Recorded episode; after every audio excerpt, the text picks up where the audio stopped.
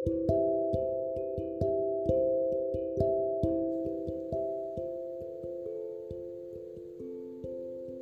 dostlar, podkastıma xoş gəlmisiniz. Ümid edirəm ki, seçdiyim bu mövzu sizlərə də maraqlı olacaq. Bilirsiniz ki, 2021-ci il Nizami Gəncəvi ilə elan olunub. Ona görə də bu gün sizlərə Azərbaycan ədəbiyyatının klassiki Nizami Gəncəvinin portreti haqqında danışmaq qərarına gəldim. Ümumiyyətlə, portretdə gördüyümüz şəxs kimdir? Gəlin portretin çəkilmə tarixinə nəzər salaq. 1939-cu ildə Azərbaycan SSR Mərkəzi Komitəsi tərəfindən Nizami Gəncəvinin 800 illik yubileyi keçirilməsi qərarı alınır.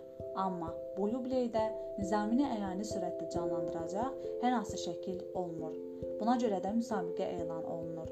Ədəbiyyatşünaslar, tarixçilər və rəssamlar işə cəlb olunur. Müxtəlif variantlarda Nizaminin portretini çəkirlər.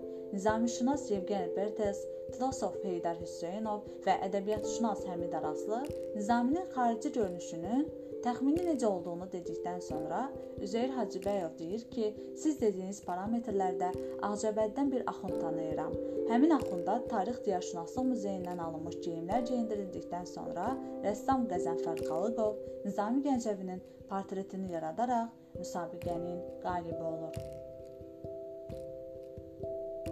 Əsər hazırda Bakı şəhərində Nizami Gəncəvi adına Milli Azərbaycan Ədəbiyyatı Muzeyində saxlanılır. Əsərin ikinci nüsxəsi Gəncə şəhərində Gəncə Tarix Diyarşünaslıq Muzeyindədir. Bu portret Qəzənfər Xalıqovun ciddi yaradıcılıq nailiyyəti hesab olunur. Sonda podkastı bu fikirlərlə bitirmək istəyirəm. Yazın və yaradın ki, bir gün siz şünaslar yaransın. Podkastı dinləyin, bölüşün və qravitasiyada qalın.